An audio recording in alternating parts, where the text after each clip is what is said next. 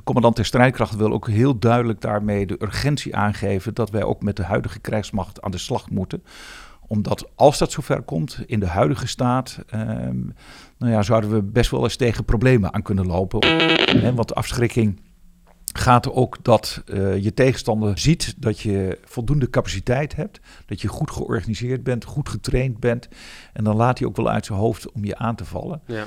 En ja, nou ja, en laten we hopen dat dat ook niet overgaat naar een fase dat we ook daadwerkelijk ingezet moeten worden. Maar dan moeten we er ook klaar voor zijn. We moeten er ook rekening mee houden dat wij niet de enige zijn. Dat andere partijen en ook partijen die kwaad, mogelijk kwaad willen met Nederland, dat die dat ook gaan inzetten tegen ons. Vrijheid, veiligheid en welvaart zijn niet meer vanzelfsprekend. De stabiliteit van Europa staat onder druk en de betrokkenheid bij een grootschalig conflict binnen afzienbare tijd is een serieus te nemen scenario. Dit vraagt om een effectieve en schaalbare defensieorganisatie in een weerbare maatschappij. Maar hoe kom je nu tot een schaalbare krijgsmacht? Hoe doen we dat zelf? Hoe gaan we samenwerken?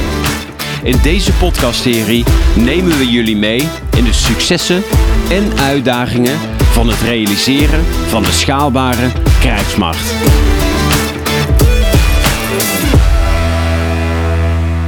Ik zit hier uh, met uh, dokter Han Bouwmeester, militair, hoogleraar militaire operationele wetenschappen aan de NLDA. Welkom, Han. Dankjewel. Ik introduceer hem even. Want we zijn een nieuwe richting ingegaan met uh, deze Samen Sterker podcast. Uh, de schaalbare krijgsmacht. Uh, daar gaan we het niet specifiek over hebben, over schaalbaarheid, maar wel de urgentie van schaalbaarheid. Want stel dat er een grootschalig conflict komt, oftewel een artikel 5 scenario, hoe kunnen we dan een effectieve bijdrage blijven leveren als militaire organisatie? Zeker als het gevaar van de EU, de NAVO of zelfs Nederland in het geding komt. Uh, om die urgentie te duiden ben ik, uh, nou, ik heb recent uh, een hartstikke mooie presentatie van je mogen krijgen, Han. En daar was ik erg van onder de indruk. Maar ik denk, misschien kunnen we dat dus in het klein herhalen in deze podcast.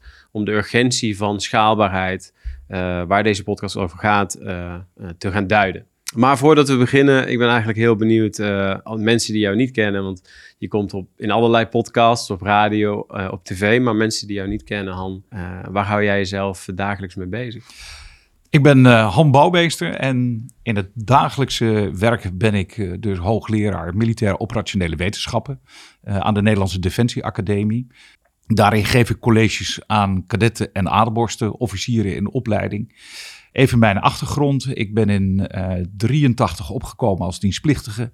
Heb eerst bij een tankbataljon gezeten. Toen ben ik van daaruit besloten, uh, dat was nog in de Koude Oorlog, om beroeps te worden. Dat was in 84. Toen ben ik naar de Koninklijke Militaire Academie in, uh, in Breda gegaan. Daar heb ik mijn opleiding gedaan. En daar ben ik uiteindelijk opgeleid als uh, artillerieofficier. Dat heb ik met heel veel plezier gedaan. Ben het nog steeds. Ik ben ook nog steeds actief dienend.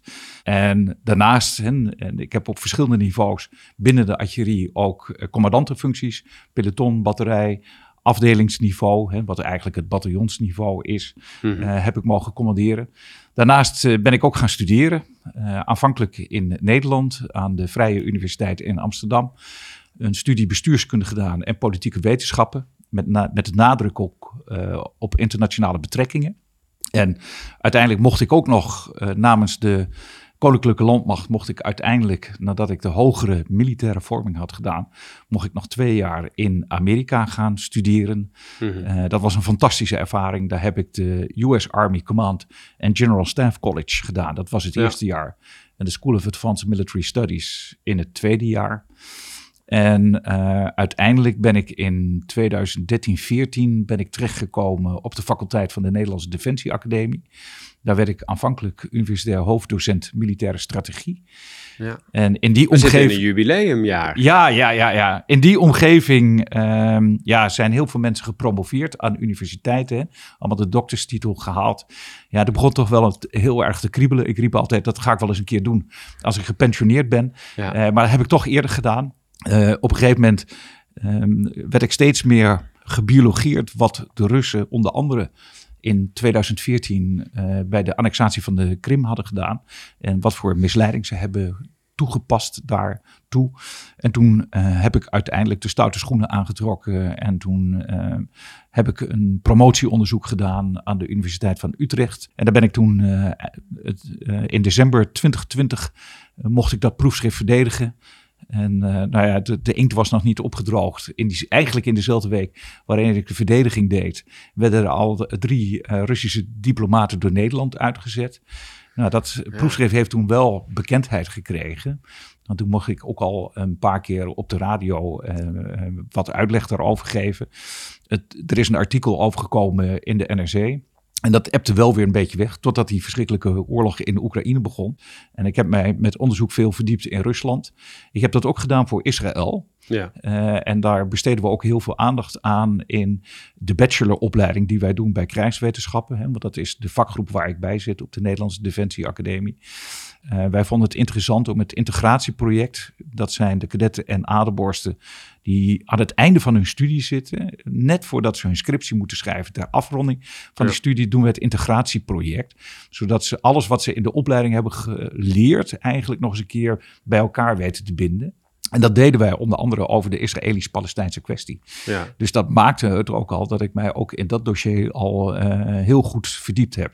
In ieder geval iemand met heel veel kennis uh, om die urgentie uh, van waarom we moeten gaan schalen duidelijk te maken. Zou jij eens iets kunnen vertellen over de onrustige bewegingen die op dit moment plaatsvinden? Nou ja, we hebben eigenlijk al uh, twee conflicten de revue laten passeren. En daar zitten nogal wat consequenties aan. Hè? Ten eerste het conflict wat uh, nog steeds loopt tussen Rusland en Oekraïne. En met name omdat dat toch wel in Europa plaatsvindt. En ook wel heel dichtbij het NAVO-grondgebied. En NAVO is toch een organisatie waar ook Nederland en de Nederlandse krijgsmacht in zit. En we hebben ook geroepen, hè, dat staat ook in onze grondwet, dat we ons sterk maken voor de bescherming en de verdediging van het Nederlands, maar ook het NAVO-grondgebied. Dus dat komt heel dichtbij, dat conflict. En je wilt het ook niet laten escaleren, zodat het overslaat op andere NAVO-landen. Want dan konden we daar als Nederland, hè, als onderdeel van de NAVO, ook bij betrokken raken. Hoe groot is die kans dat dat uh, gebeurt? Als we kijken naar de, het verloop van het conflict nu. Ik hoor de uh, commandant der strijdkrachten heeft geroepen vijf tot zes jaar is zijn inschatting. Um, en de commandant der strijdkrachten wil ook heel duidelijk daarmee de urgentie aangeven dat wij ook met de huidige krijgsmacht aan de slag moeten. Omdat als dat zover komt in de huidige staat, um, nou ja, zouden we best wel eens tegen problemen aan kunnen lopen. Om het maar eens een beetje in verkapte termen te zeggen. Dat bedoel ik mee. Um, wij moeten de krijgsmacht nog wel beter op orde gaan krijgen. Ja. Dan willen we dat gevaar kunnen tackelen. En hoe zou dat gevaar eruit kunnen zien? Dat gevaar dat zou eruit kunnen zien, uh, Rusland kennende, is dat we uh, in eerste instantie te maken krijgen met allerlei zaken in onze eigen maatschappij. Dat ze proberen te infiltreren, dat ze proberen uh, eigenlijk met hun spionnendiensten om uiteindelijk groeperingen te werven in Nederland die daar vatbaar voor zijn.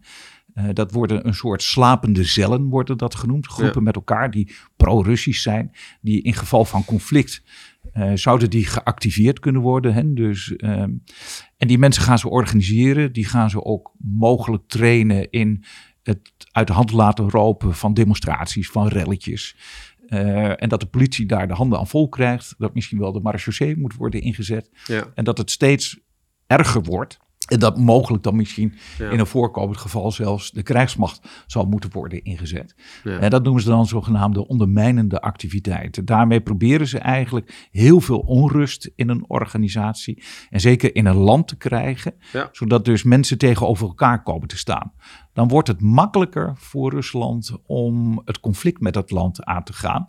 Omdat uh, ja, de mensen staan, die zijn eigenlijk uh, uit elkaar gescheurd, om het zo maar eens te zeggen. Ja. Dat er misschien twee of zelfs meerdere partijen zijn die allemaal een bepaalde kijk op, op dat land hebben en ja. hoe je daarmee moet omgaan. Verdeeldheid creëren echt verdeeldheid in het land. Hè? Ja. Want met verdeeldheid. Uh, maar is dat niet al gaande eigenlijk een klein beetje?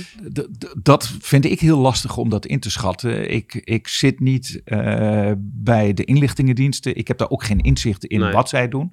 Ik zit bijvoorbeeld ook niet bij de Nationaal Coördinator Terrorismebestrijding en Veiligheid, de NCTV eh, genoemd. Want die is eigenlijk benoemd binnen de Nederlandse overheid om dat voortouw in te nemen. Ehm, wat je eigenlijk moet doen, en je, je, moet eigenlijk, want die stukjes informatie daarover, met al die diensten volgen bijvoorbeeld uh, buitenlandse uh, activiteiten. En die kijken ook in hoeverre dat in Nederland gaat plaatsvinden. Je moet dat wel bij elkaar weten te brengen. Ja, ja. dat overzicht heb ik niet dat wordt nu wel opgepakt in Nederland. Ja. Om te kijken van wat moeten we daarmee. En we moeten zelfs internationaal gaan kijken. Want het beperkt zich niet alleen tot de landsgrenzen in Nederland. Uh, het kan zomaar zijn dat daar heel NAVO bij betrokken wordt. Dat er iets in Amsterdam gebeurt, dat er iets in Hamburg gebeurt en iets in Milaan. En daar kan best eenzelfde soort land achter zitten, of actor, zoals we dat dan vaak ja, noemen, die dat veroorzaakt. En dan, dan hebben we ondermijnende activiteiten. Ondermijnende activiteiten. Um, heel veel verspreiding van uh, desinformatie. Uh, om mensen ook te beïnvloeden. En dat is vaak, en dat is heel geraffineerd. Waar moet je dan aan denken? Nou ja, uh, ik vind het wel altijd lastig om daar een, een, een, passend voorbeeld voor te geven. Maar wat je ziet is, is dat het vaak informatie is die deels waar is. Maar daar wordt een beetje uh, een, een, andere twist aangegeven. Uh, en dat is dan om daar toch een eigen boodschap in te stoppen. Ja. Maar omdat het waar is uh, en ervaren mensen het ook als waarheid. En zie je dat er eigenlijk, zie je dat, dat stukje gemanipuleerde -hmm. deel zie je wat minder of ervaar je of onderken je als wat minder. En dat, dat ehm, is een hele geraffineerde manier om mensen uiteindelijk stukje bij beetje te overtuigen. Is dat niet wat we, ik kom in me op, is dat niet uh, handen wat we ook uh, veel met COVID zagen? En COVID is dat heel veel gebeurd. Er was ook heel veel desinformatie. Ja, en um, om het dan maar even uh, bij de naam te noemen. Rusland heeft dat bijvoorbeeld heel erg sterk bij de Baltische Staten gedaan heel erg eh, bepaalde groeperingen in die Baltische staten hebben het over Estland, Letland en Litouwen. Om daar, en de, die drie landen hebben allemaal ook een Russische minderheid in zich. Om daar uh, uiteindelijk de mensen te van overtuigen dat die landen eigenlijk de oorzaak van uh, COVID waren, onder andere. En wat ze zagen, uh, want toen was NAVO al bezig met allerlei maatregelen te nemen om zich mm -hmm. te mhm. beschermen. Hè. Die Enhanced Forward Presence ging toen lopen. En dat liep eigenlijk al voor de uh, COVID-periode.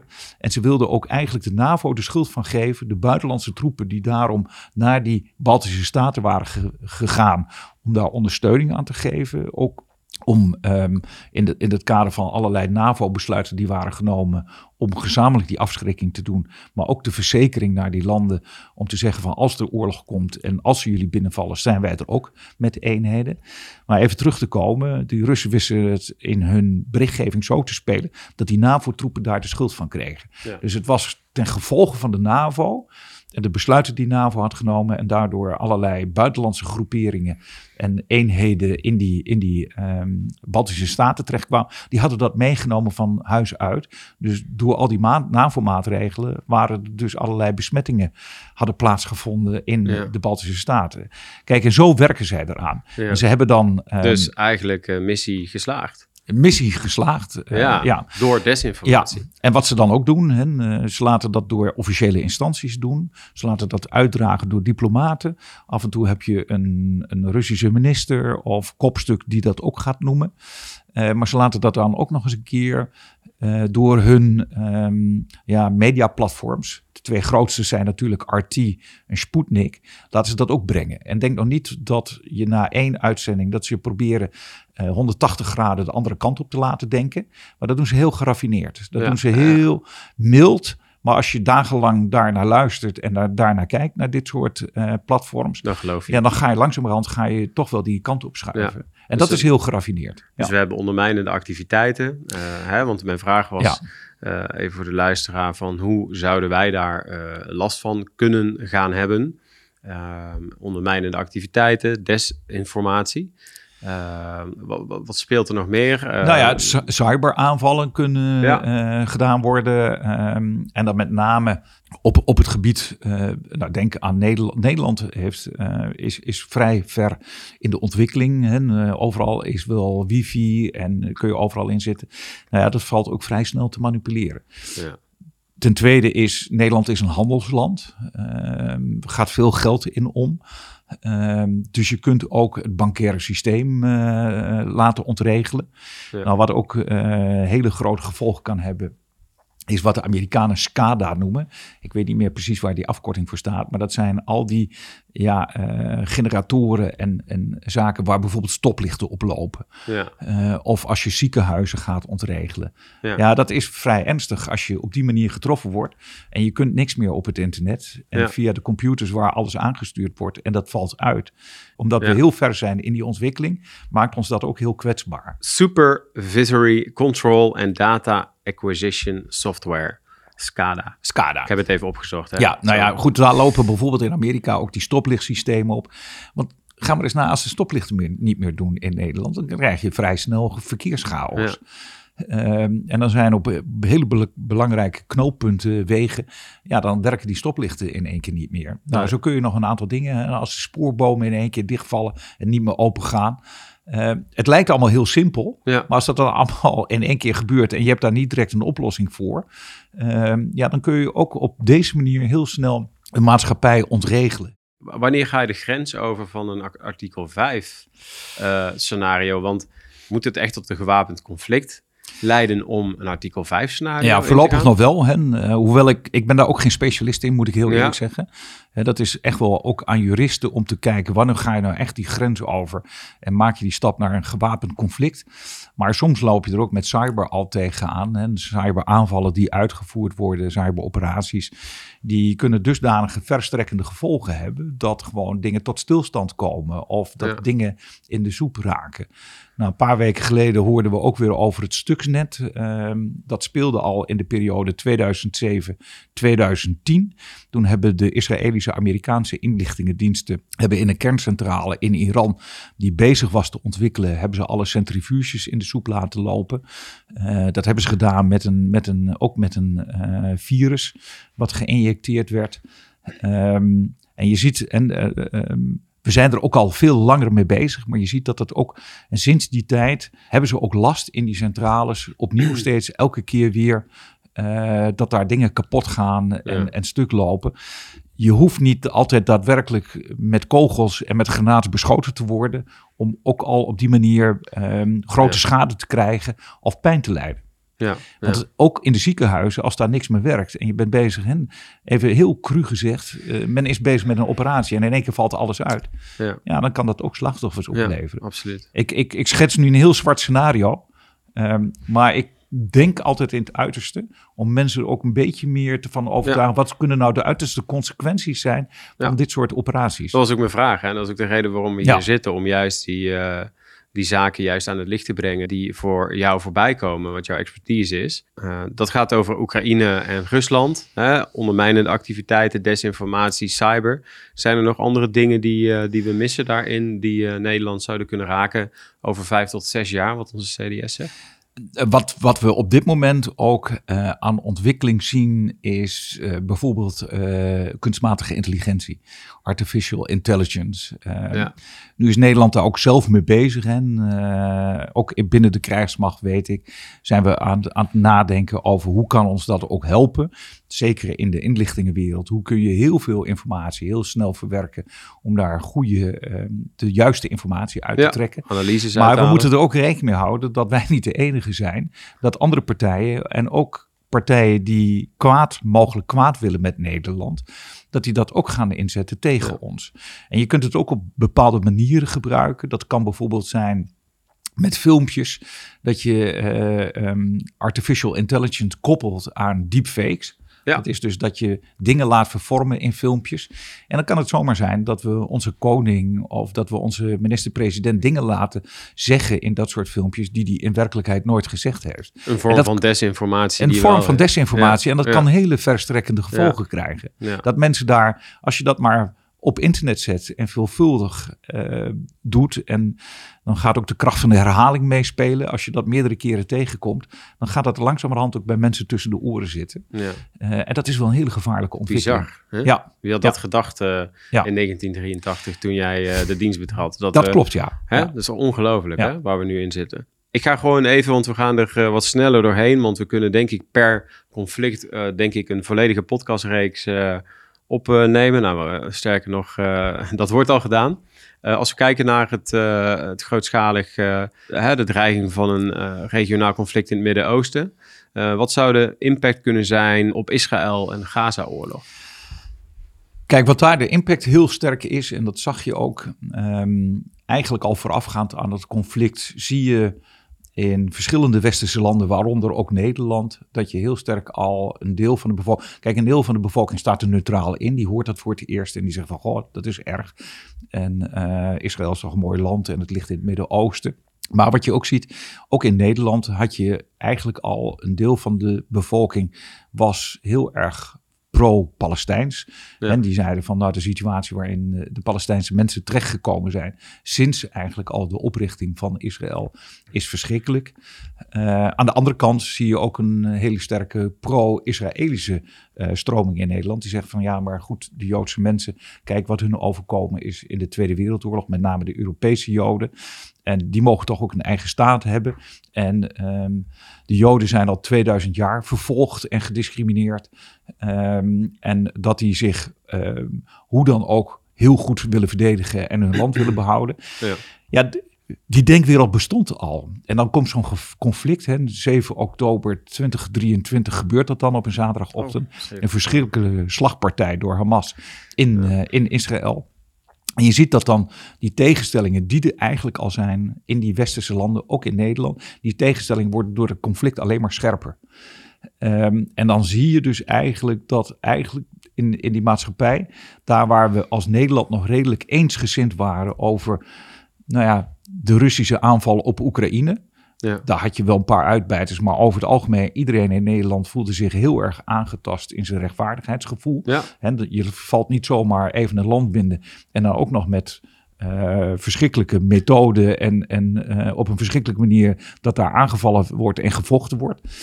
Maar dan gebeurt ook uh, Israël en je ziet dat daar de gedachte, daar zijn we helemaal niet zo eenduidig op in Nederland. Dan zie je dat die tegenstellingen tussen pro-Palestijns en pro-Israël sterker gaan worden. En we moeten wel oppassen dat we daar ook niet, dat dat ook niet op zich, dat we daar zelf een soort ondermijnende activiteit van maken, dat dat ons te veel uit elkaar drijft. Is dat een groot ding, ja, die verdeeldheid uh, over deze twee? Nou, dit, dit conflict heeft dat wel groter gemaakt. Het is nooit een heel groot ding geweest in Nederland. Die indruk ja. heb ik niet gehad. Um, maar je ziet dat dat nu wel heel sterk gevormd wordt. En ik vond het wel opvallend, wat ik riep al, van luister, nu gebeurt dit. En je ziet dat um, Israël op een vreselijke manier wordt aangevallen door Hamas. Israël blijft ongeveer twee, drie dagen in de slachtofferrol zitten, in de, in de beeldvorming in Nederland. En klapt dan om, omdat ik ook weet dat Israël hard gaat terugslaan. En dat maakt het dan dat mensen eigenlijk alleen nog maar de beelden zien, de vreselijke beelden, die ik ook zie hoor. En ja. ik uh, begrijp me goed, ik vind dat ook heel verschrikkelijk wat ik zie. Kinderen en dat soort zaken. Maar dat werkt wel in op ons gemoed.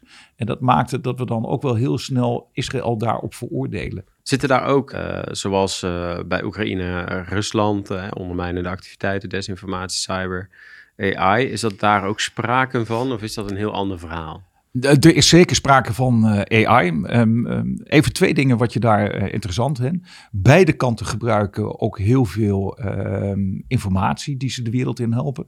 Dus je ziet ook dat er een soort information warfare, oorlogvoering met informatie om ook de publieke opinie zoveel mogelijk te beïnvloeden, gebeurt. Er wordt aan beide kanten wordt ook propaganda verspreid.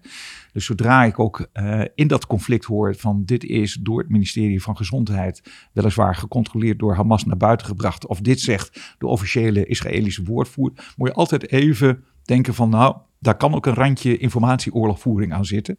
En het kan best zijn dat die gegevens kloppen, maar dat, ik, ik accepteer ze niet zomaar. Ik kijk altijd wel, zijn er nog meer bronnen beschikbaar waarin ik zou kunnen nakijken uh, of dat op een wat, uh, nou, of er een tweede bron is, of dat er ook op een ja. wat onafhankelijke manier naar gekeken wordt. Dus dat, dat ten eerste. Dan even terugkomend op je vraag over uh, artificial intelligence. Ja, dat wordt gebruikt. Aan de zijde van Hamas weet ik het niet zeker. Uh, daar hebben we minder inzichten in. We weten in ieder geval dat Israël uh, artificial intelligence inzet nu uh, bij de doelkeuze en de doelinformatie die ze proberen te krijgen. En dat gaat heel ver. Ja. want de, de Israëlische gebruiken zelfs helmen voor hun panzervoertuigen. Met name dat panzerinfanterie gevechtsvoertuig wat ze gebruiken, die Namer. Uh, daar zitten commandanten bij en ook van de Merkava tanks die ingezet worden. En dat noemen ze de Iron Vision helm. Ja. Um, die is in staat, die kunnen ze aanpluggen aan een soort uh, computersysteem. en dat computersysteem is heel snel in staat heel veel um, inlichtingen te verwerken. En ook de juiste inlichtingen eruit te halen. Hè, voor zover je dat kunt programmeren. Dan. Kijk, Israël heeft meegedaan uh, aan dat F-35 uh, traaljagerproject, zeg maar. Ja. Um, daar hebben ze hun eigen helm voor de piloten uit ontwikkeld. En uit die helm is vervolgens nog weer de helm voor die tankcommandanten en voor die commandanten van die panzervoertuigen ontwikkeld. Want die, die tankcommandant die kan onder panzer blijven. Dus die hoeft niet uit het luik open te gooien en er bovenuit te staan. Die kan ja. onder. En dan kan hij als het ware door zijn panzer heen kijken. Dus die ziet gewoon de hele omgeving als hij dat schermpje voor zijn, uh, voor zijn helm klikt. Ja, ongelooflijk. Ja, en dat wordt deels bepaald door al die inlichtingen, bronnen en sensoren die daarop dat hele computersysteem kunnen inpluggen. En al die, die informatie wordt heel snel verwerkt. Wauw. Ja. Het is een verschrikkelijke oorlog die daar plaatsvindt. Ja, ja. Uh, we gaan een sprong maken, uh, Han, naar uh, het stuk wat mij ook wel erg intrigeerde: de opkomst van de BRICS-landen. Ja. voor mensen die BRICS niet kennen. Nou, BRICS is eigenlijk, um, en dat speelde tiental jaren geleden, was het wat bekender.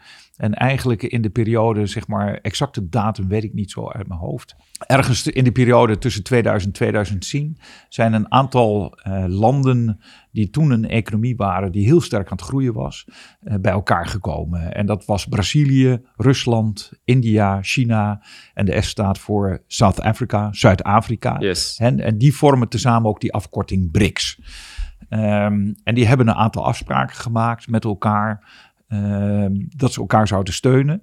Maar dat gaat ook best ver, want ze hebben ook af en toe gemeenschappelijke oefeningen die ze houden. Ook ja. heden ten dagen nog. Eigenlijk een soort NAVO. Dus eigenlijk, uh, ja, het gaat, wat na, het gaat wat verder. NAVO is eigenlijk alleen een politiek en uh, militair bondgenootschap. Ja. Zij zijn ook juist economisch dat ze elkaar heel erg sterk willen gaan steunen. Ja. En wat we nu zien, is, uh, er is uh, in september 2023 is er een, uh, of eind augustus eigenlijk, is er een conferentie geweest. En daar is nu afgesproken dat de BRICS gaan uitbreiden. En de BRICS die gaan uitbreiden, en dan moet ik even, want ik heb het opgeschreven, daar komt Saoedi-Arabië bij, daar komt Iran, Ethiopië, Egypte, Argentinië en de Verenigde Arabische Emiraten komen wow. daarbij.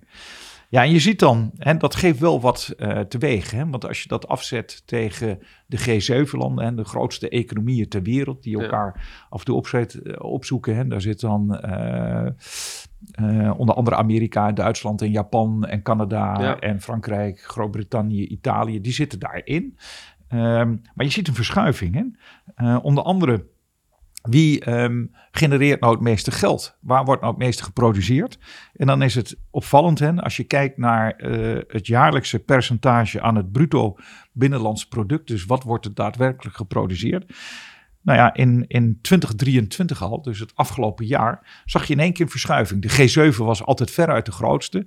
Die had zo'n 30,9% van ja. het hele wereldtotaal.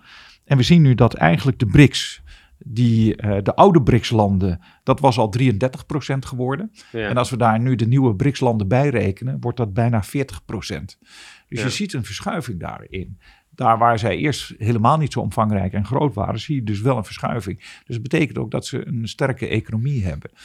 Um, je ziet ook een verschuiving in de percentage van wereldbevolking. Die G7 die had in totaal 767 miljoen mensen. Wat zeg maar zo'n beetje 10% van de wereldbevolking was. Ja. Als je dat afzet tegen de BRICS, daar woont 41% van de wereldbevolking. Um, en, en hè, want er zitten landen als China en India bij. Ja. En als die nieuwe BRICS-landen erbij komen, dan komt daar nog eens 5% bij. Dus je ziet ook op dat vlak een enorme verschuiving. Ja. Plus het feit, wat, en, en ondanks dat we steeds meer kijken naar uh, nieuwe vormen van energie, uh, wat op dit moment nog steeds, en ook de eerstkomende jaren nog wel steeds interessant is, is naar de olieproductie te kijken. En je zag dat de oude BRICS-landen met elkaar al zo'n 20% hadden. Nou, als daar uh, staten als uh, Saoedi-Arabië, Verenigde Arabische Emiraten en Iran bij komen, Uh, met de nieuwe BRICS-landen komt daar nog eens zo'n 23% bij. Ja. Dus die hebben straks bijna de helft van de hele olieproductie van de wereld in handen. Ja, ja. En dat geeft je een maxfactor. Daar kun, je mee, hè, daar kun je mee mensen en andere staten ook onder druk zetten, want die zijn daarvan afhankelijk. Ja. En dat geeft wel een verschuiving weer in hoe wij internationaal gezien met elkaar uh, mee omgaan. En daar waar we altijd een hele bevoorrechte positie hadden als westerse landen, zie je dat dat langzamerhand aan het verschuiven is. Ja. En dat moeten, we ons goed, dat moeten we ons goed realiseren. Is dat iets wat we in ons achterhoofd moeten houden? Of zijn er ook signalen die aangeven dat, dat dat ook daadwerkelijk gaat gebeuren? Want ja. welke baat hebben zij erbij? Als wij een nou, goede afnemer zijn van hun ja, olie. Dan ten eerste kunnen zij, uh, als, als jij zo'n groot percentage hebt, en dat gebeurt al deels, kunnen ze heel sterk op de olieprijs sturen. Ja. Uh, dat wordt heel vervelend voor de mensen, voor de landen die daarvan afhankelijk zijn. Ja. Uh, want die kunnen sowieso, worden die dan gedwongen meer voor de olie te betalen. Uh, een tweede punt is, en dat, noemden wij ook, hè, het is niet alleen economisch, maar je ziet dat die landen ook onderling afspraken maken om gezamenlijk te gaan oefenen met hun krijgsmachten. Ook in uh, 2023 is, heeft dat plaatsgevonden. Ja. 22 vond, 2022 eh, vond het ook plaats. Toen zag je dat er een, een landoefening in, helemaal in het oosten bij Vladivostok in de buurt van Rusland plaatsvond. En daar was ook India uitgenodigd, was ook China uitgenodigd. Wat voor type oefeningen denken we dan aan? Nou ja, dat zijn, dat zijn gewoon legerkorpsoefeningen in die omvang. Uh, enkele tienduizenden die dan uh, nog aan het oefenen zijn. Ook Rusland. Rusland moest wel, en dat is bekend, was niet zo omvangrijk als zij zich aanvankelijk hadden voorgenomen. Want ze dachten natuurlijk met die Oekraïne-oorlog, ach, Oekraïne hebben we binnen tien dagen onder de voet gelopen. Hè? Ja. Maar dat was hun aanvankelijke plan. En ze hadden los daarvan deze oefening al lopen. Want dit soort grootschalige oefeningen kost heel veel voorbereidingstijd. Ja. Er zit zo anderhalf tot twee jaar voorbereidingstijd, als het niet nog langer is, dat je dat moet gaan plannen. En men, had, men was in de veronderstelling, we doen even de klus in de Oekraïne en dan hebben we, daarna hebben we, kunnen we voldoende troepen vrijmaken die ook die oefening grootschalig kunnen plaatsvinden. Maar je ziet dat wel India en China, hoewel die zich internationaal gezien wat meer op de achtergrond houden. Omdat je daar weinig over hoort in hoe zij uh, Rusland op dit moment steunen in dat conflict. Maar je ziet dat ze dat dan wel doen. En ook afgelopen september is er een grote maritieme oefening voor de kust van Zuid-Afrika geweest. Waar ook uh, een paar Russische schepen aan hebben deelgenomen. Maar de marine van Zuid-Afrika die organiseerde dat. En waarbij ook China en uh, India aanhaakten. Ja. Nou, als daar nu ook die andere nieuwe landen bij komen, weet ik niet wat er gaat gebeuren. Hè. We hebben dat nog niet gezien. Dat moet ook nog eerst zijn beslag krijgen. Maar we moeten niet raar op staan te kijken dat de eerstkomende jaren dit soort landen ook wat meer met elkaar, ook met hun krijgsmachten, samen gaan oefenen. Ja. wat betekent dat? Ja, nou ja, goed. Uh, Rusland zal zich daarin gesteund voelen. Ja. Uh, en we zien ook dat Rusland toch wel hè, de laatste jaren, zeker onder Poetin. Um, nou ja, we zien dat ze in Georgië bezig zijn geweest. We zien dat ze in Oekraïne bezig zijn geweest. En nog steeds bezig zijn. Overigens moet ik er wel bij op, opmerken, het zijn geen NAVO-landen die ze dan aanvallen. Ik denk dat, uh, en, en daar komen we dan ook nog wel over te praten met de schaalbare krijgsmacht. Ja. Uh, ik denk dat we, um, um, eigenlijk hadden we, daar, hadden we daar gisteren al mee moeten zijn begonnen. Maar we moeten de krijgsmacht goed op orde krijgen. Uh, en dat het bij afschrikking blijft. Ja. He, want afschrikking gaat er ook dat je tegenstander uh, ziet dat je voldoende capaciteit hebt, dat je goed georganiseerd bent, goed getraind bent. En dan laat hij ook wel uit zijn hoofd om je aan te vallen. Ja. En eh, ja, nou ja, en laten we hopen dat dat ook niet overgaat naar een fase dat we ook daadwerkelijk ingezet moeten worden. Ja. Maar dan moeten we er ook klaar voor zijn. Als we het stukje nucleair uh, erbij pakken, ja. is dat iets waar jij je zorgen om maakt? Um, ik zie dat dat gebeurt, uh, maar ik zie ook dat dat uh, als een soort machtsmiddel wordt ingezet uh, door Poetin vooral. Poetin weet dat wij daar gevoelig voor zijn. En Poetin is daarmee begonnen in 2015. dat was een jaar na de annexatie van de Krim. En toen heeft hij, dat was een documentaire die in Rusland werd opgenomen en uiteindelijk ook in, op de Russische televisie getoond is. En toen liet hij en passant even vallen. Ja, ik heb nog even overwogen als uh, die annexatie niet uh, op zo'n op zo'n geweldloze manier um, nou ja, tot, tot uiteindelijk heeft het gebracht wat, wat het nu gebracht heeft. Maar als, als mij dat niet gelukt was met mijn Russische troepen destijds, gaf die aan. Uh, ja, heb ik wel overwogen om dan toch misschien een uh, nucleaire wapens te gaan inzetten. Nou, dat was eigenlijk de alarmbel sinds lange tijd die ook bij NAVO weer afging. en sinds die tijd zie je dat NAVO daar wel over nadenkt. Ja. Maar even terug, uh, want het is steeds Poetin die met dit soort bedreigende woorden komt. Hij heeft het nu al een aantal keren aangegeven dat hij dan zegt van ja ik, en hij noemt het woord niet. Hè. Uh, hij, hij heeft het over ernstige bedreigingsmiddelen. Dat soort termen gebruikt hij daar dan voor. Maar daar kun je uit lezen dat dat mogelijk toch de inzet van nucleaire wapens is. Um, hij heeft het tot nu toe niet gedaan.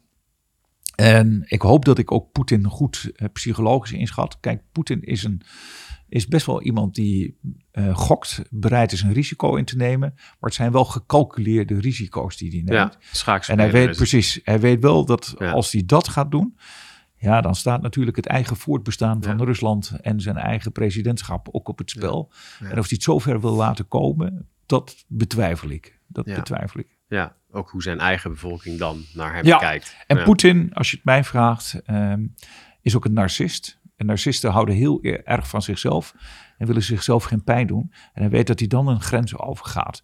Hij weet dan ook dat het onbeheersbaar wordt voor hem. En hij kan nu elke keer probeert hij stappen te nemen en probeert hij ons als het Westen en de NAVO ook af en toe een beetje de loef af te steken. En dat we daar dan elke keer weer op moeten reageren. Ja. Ehm, nou ja, goed. En dan komen we ook weer terug op het vraagstuk die schaalbare krijgsmacht. En wij zijn een van de landen in de NAVO. Maar als we zorgen dat we onze krijgsmacht goed op orde hebben, maar ook verder, hè, als we ook zien dat ook onze bevolking zich daar veel meer van bewust is. Ja. En ook uh, weerbaar is. Dat we daar ook goed over nadenken. Dat in een heel zwart scenario, dat we mogelijk in een conflict terecht kunnen komen. Ja. Dat we daar goed op voorbereid zijn. Dat dat op zich voldoende afschrikking gaat geven naar Rusland toe. Dat hij het ook wel uit zijn hoofd laat om dat te gaan doen. Hoe krijgen we die urgentie uh, ja, middels deze podcast natuurlijk en heel veel Zeker. andere. ja, heel veel. Nee, maar, dat... maar serieus. Uh, ja, nee, goed. in uh, jouw praatje destijds vertelde je ook communicatie. heel, heel veel communicatie. we moeten er ook alles aan doen om deze boodschap ook uit te dragen. Nou, je zag bijvoorbeeld in de afgelopen verkiezingen dat veiligheid was totaal geen vraagstuk wat in die hele Nederlandse verkiezingen mee is genomen. En je ziet ook wel dat ook de CDS de commandant der strijdkrachten toen ook nog wel aangaf: van, jongens, wees je er wel bewust van. Het kan zomaar zijn dat we binnen nu en vijf en zes jaar in een conflict verwikkeld zijn. Ja. En die urgentie moet en bij de politiek, maar ook eigenlijk bij de media en ook bij geheel Nederland eigenlijk veel beter landen. Wat eh, bedoelt hij daar trouwens mee? Hebben we het dan over de zaken waar we het net over hadden, ondermijnende activiteiten des Dat zou zomaar kunnen, dat het daarmee dan, begint. Hebben we, dan, hebben we dan hier eh, de Russen aan de deur staan? Nou ja, de, de, de, de, ik, ik, ik neem aan, en ik spreek nu even voor de CDS, hoewel ik hem daar zelf nooit persoonlijk over gesproken heb. Uh, dat hij ervan uitgaat dat het zomaar is al zo ver geëscaleerd kan zijn. Dat de stap naar klassieke methode van optreden. Want dat is typisch dat Russische manier van oorlog voeren. Hè. Russische manier van oorlog voeren begint eerst met niet-militaire middelen. En helpen die niet. Ja. En uh, of dat dusdanig de maatschappij al verdeeld is door al die ondermijnende activiteiten, dat ze er toch nog even naar binnen gaan en met geweld uh, de orde op zaken stellen. Ja. Uh, en ik vermoed dat uh, de CDS met zijn commentaar op, al op die laatste stap hinten. En dat we er sowieso al op verdacht moeten zijn dat er ook allerlei ondermijnende activiteiten kunnen plaatsvinden in Nederland, de eerstkomende jaren al. Ja, Jij hebt familie, vrienden, getrouwd, kinderen. Ik, uh, ik uh, ben vader van uh, twee kinderen en ik ben getrouwd inderdaad. Ja, ja. Als vader zijnde, um, hoe goed slaap jij s'nachts? Ik ben altijd iemand die positief in de wereld staat. en ik slaap eigenlijk nog wel goed. Maar de vraag die je mij net stelde, wordt ook veelvuldig door mijn kinderen. Maar ook door heel veel vrienden van mijn kinderen, die daar alles over willen weten. En dat vind ik op zich al een klein beetje een geruststelling. Dat langzaam, stukje bij beetje, uh, beginnen zich, te, zich in Nederland toch steeds meer mensen zich daar zorgen over te maken. En het feit dat mensen zich daar zorgen over maken, wil ook zeggen dat ze daar ook actief over willen gaan denken. Van hoe kunnen we dat ook voorkomen? Ja. Uh, dat ten eerste. En ten tweede, ehm, ja, dat, dat, ehm, ehm, het is wel zo dat mij dit bezighoudt. En ik Ja. ook vind dat wij daar nu actie op onder moeten ondernemen. Dat we hè, na- naar tientallen jaren van bezuinigingen, ook op die krijgsmacht, dat die periode voorbij is. En dat we zorgen dat die krijgsmacht weer goed in staat is eh, om voldoende afschrikking eh, teweeg te brengen. Ja, Onder andere naar Rusland, want dat is toch wel een van de grootste dreigingen die je kunt noemen. En dat dat in het kader ook in totaal met de totale NAVO, dat dat voldoende is. Maar ook in die andere landen ook steeds meer dit bewustzijn komt om Ja. dat gezamenlijk om Rusland te kunnen afschrikken daarvoor. Ja. Eh, dan moet je ook denken aan China. Je moet ook denken aan Iran. Eh, dat zijn toch wel grote landen ja, die erop uit zijn om ons te gaan ontregelen. Om ja, stukje bij beetje, om steeds meer zelf invloed te krijgen in westerse landen, ook in Nederland. ja. We hebben het hier over mindset, een andere mindset bij ja. de bevolking, maar ook wel binnen defensie, eh, merk ik. Ehm, als je eens woorden zou moeten geven aan een andere mindset, hoe klinken die dan? Nou ja, ik gebruik zelf altijd eh, bewustzijn. En dat betekent dat je ook wat meer moet verdiepen in wat voor dreigingen zijn er. Ehm, en natuurlijk verwacht je van een krijgsmacht meer. Dus ik verwacht ook van mijn eh, collega's, en ongeacht van welk krijgsmachtdeel ze zijn, dat ze zich ook wel goed erin verdiepen van wat zijn nou potentiële dreigingen waar de NAVO en waar Nederland mee te maken krijgt. Nou, Ja. ik heb er een aantal, Rusland, China, Iran, dat zijn wel grote dreigingen. Het kan ook zomaar zijn dat het conflict in het Midden-Oosten dat dat zich gaat uitbreiden. Hè? Dat Hezbollah zich erbij betrekt vanuit Libanon en dat het conflict groter wordt. Wellicht wordt dan ook Amerika erin gezogen. Eh, en wat je dus ziet is dat je ook dit soort conflicten ook als militair en of je nou soldaat bent of je bent generaal en alles wat daartussen zit, dat je daar toch wel wat meer in verdiept van wat zijn de achtergronden, Ehm, wat gebeurt er op dit moment en dat je dit soort conflicten bijhoudt. Ja. Eh, daar leer je ook heel veel van. Want je ziet ook de nieuwste ontwikkelingen op het gebied van oorlogvoering terugkomen. En dat is voor ons militairen is dat ons vakgebied. Ja, ja. Nou ja, en ik vind ook eigenlijk wel dat dat bewustzijn in heel Nederland wat beter mag zijn. Eh, gelukkig zien we dat nu ook wel wat meer terugkomen in de media. De media kan daar een hele goede aanjager in zijn om daar wat meer programma's op te gaan richten. Ja. Ehm, zodat we ons daar ook beter van bewust zijn. ja. Ja. Ja. Ehm, eigenlijk hebben we eh, het sprongetje al gemaakt naar ehm, de verkiezingen in eh, de Verenigde Staten, de, de NAVO. Stel, Trump wordt herkozen. Eh, wat is jouw verwachting? Hè? De, NAVO gaat verzwakken of misschien zelfs opblazen. Eh, Ja, er zijn een paar dingen. en de- Amerika heeft daar zelf een voorschot op genomen. Eh, daar is niet veel richtbaarheid aan ge- gegeven. Maar enkele weken voor de kerst in 2023, hè, dus afgelopen jaar, eh, heeft het congres een nieuwe wet aangenomen. Dat de Amerikaanse president niet op eigen doft de eh, Verenigde Staten kan terugtrekken uit de NAVO.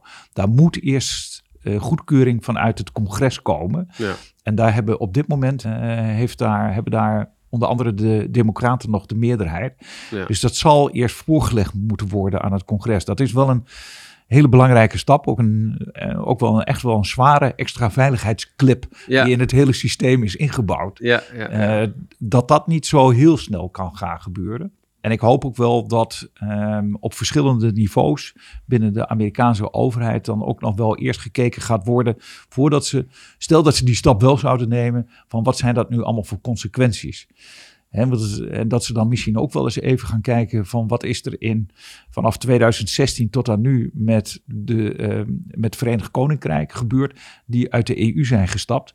Want je hoort nu steeds meer mensen die voor de brexit hebben gestemd, die nu daar allemaal van terugkomen en zeggen van ja, maar dat was toch niet zo heel erg handig.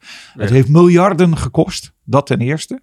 En die geld, dat geld kun je ook op een andere manier dan besteden. ja. Ehm, en nu komen ze wel tot de conclusie dat toch eigenlijk misschien allemaal niet zo handig is geweest. Dus ik vermoed dan ook nog los van Trump dat er dan voldoende krachten, stel dat het allemaal wel zo ver komt, dat er dan toch nog ook voldoende krachten en in het ministerie van Buitenlandse Zaken, ministerie van Defensie, maar ook in andere ministeries, ook in, in eh, Amerika, dat ze tot de conclusie komen van ja, we roepen dit wel, maar we zijn nog zoveel verplichtingen aangegaan als we ons daar eenzijdig allemaal uit gaan terugtrekken. Ja. En wat zijn de gevolgen dan op termijn en voor een Europa? En kunnen we die dan zomaar loslaten. En ook voor onszelf. En hoeveel gaat ons dat wel niet kosten? Ja. En hoe gaan bijvoorbeeld China en uh, Rusland hierop reageren en India. Ja. Als andere grote tegenstrevers in ieder geval. Ja. Want dan kom je ook in de grote strategische competitie tussen al die grote staten terecht.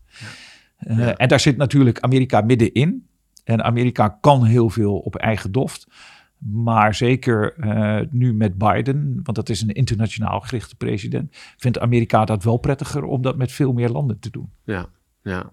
Volgens mij kan ik uren podcasts uh, maken met jou, maar je bent, ook, uh, je bent er ook wel bedreven in natuurlijk. Dus ik ga ook langzaam naar een afronding. Ik probeer hem altijd rond een uurtje of daaronder te houden. Dus ik vat even twee ehm, zinnen eigenlijk, of twee vragen, vat ik samen. Ehm, wat zou je de Nederlandse krijgsmacht, de collega's, een soort slotwoord willen meegeven als een soort laatste nabrander? Ja, dat vind ik mooi. Hè. We hebben het eigenlijk al genoemd. Hè. Een goed bewustzijn van de huidige conflicten die er spelen. Verdiep je daar ook in. Daar is ook heel veel uit te halen. Hè. Allemaal weer nieuwe stappen, ook op het gebied van oorlogvoering. Dit soort um, ontwikkelingen in die oorlogvoering uh, volg het ook. Daar valt heel veel interessants uit te halen. Kijk ook wat er verder gebeurt aan ontwikkelingen in de wereld. Want dat raakt ons vakgebied heel sterk. En dat maakt het ook dat je dan ook gemotiveerd raakt en overtuigd raakt waarom het zo uh, noodzakelijk is om onze Nederlandse krijgsmacht ook weer goed op peil te krijgen. Ja, ik noem hem even het vergroten van het collectieve bewustzijn. Het vergroten van het collectieve bewustzijn. Ja. En dat we er ook over na moeten denken. Uh, dat Nederland ook qua krijgsmacht. En je hoeft in vredestijd niet altijd een hele grote krijgsmacht te hebben. Want dat is ook heel kostbaar. Maar dat je als er een dergelijke crisis, als die groter wordt als die Oekraïne-oorlog zich gaat uitbreiden of het gaat een verkeerde kant op in het Midden-Oosten, dat we straks een krijgsmacht hebben die kan opschalen en die ook groter kan worden en dat daar dan voldoende personeel in zit die uh, getraind is en met die taak weet om te gaan. Dan wil ik hem daarmee afsluiten. Dankjewel Han.